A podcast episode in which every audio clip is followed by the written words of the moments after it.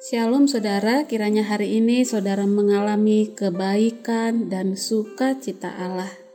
Kita akan membaca dan merenungkan firman Tuhan. Mari kita berdoa. Ya Tuhan, kami bersyukur kepadamu atas segala kebaikan yang kau sediakan bagi kami hari ini. Dan biarlah kerinduan kami, kami mau hidup seturut kehendakmu. Bimbinglah lewat pembacaan dan perenungan firman-Mu dalam Yesus Kristus kami berdoa. Amin.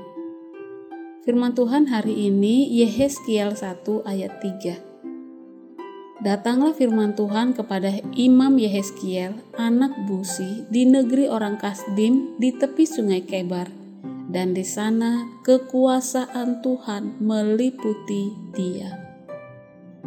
Sungguh menakjubkan untuk dikatakan bahwa kita dapat mendekat tahta surgawi seutuhnya. Apalagi dengan percaya diri, seperti yang dikatakan dalam surat Ibrani 4 ayat 16. Saat itu Nabi Heskiel yang namanya berarti Tuhan kuat menangkap gambaran sekilas mengenai tahta ini. Kita dapat membacanya di ayat 26 dan 28. Yehezkiel mengalami panggilan Allah pada tahun 596 sebelum Masehi ketika usianya 30 tahun. Dia adalah seorang imam. Dia adalah orang buangan Yahudi di Babelonia, sedangkan Nabi Yeremia ada di Yerusalem.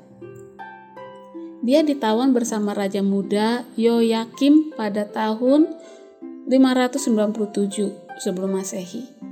Seperti Yeremia, dia pun dipanggil ya dia memanggil orang-orang itu untuk bertobat dan menubuatkan pembangunan kembali Yerusalem. Panggilan Yeskiel dimulai dengan visi Allah. Dalam penglihatan itu, dia melihat empat makhluk aneh, masing-masing adalah saksi untuk bagian dari karakter Allah. Yang pertama memiliki wajah manusia, kedua singa mewakili kekuatan dan keberanian, Ketiga, lembu mewakili kesuburan dan keempat, seekor elang mewakili kecepatan. Bersama-sama mereka menunjukkan keagungan dan kebesaran Allah yang luar biasa.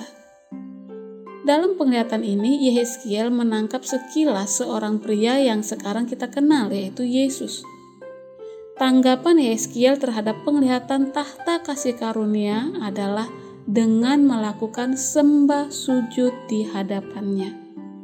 Ini adalah tanggapan yang wajar atas kehadiran Allah.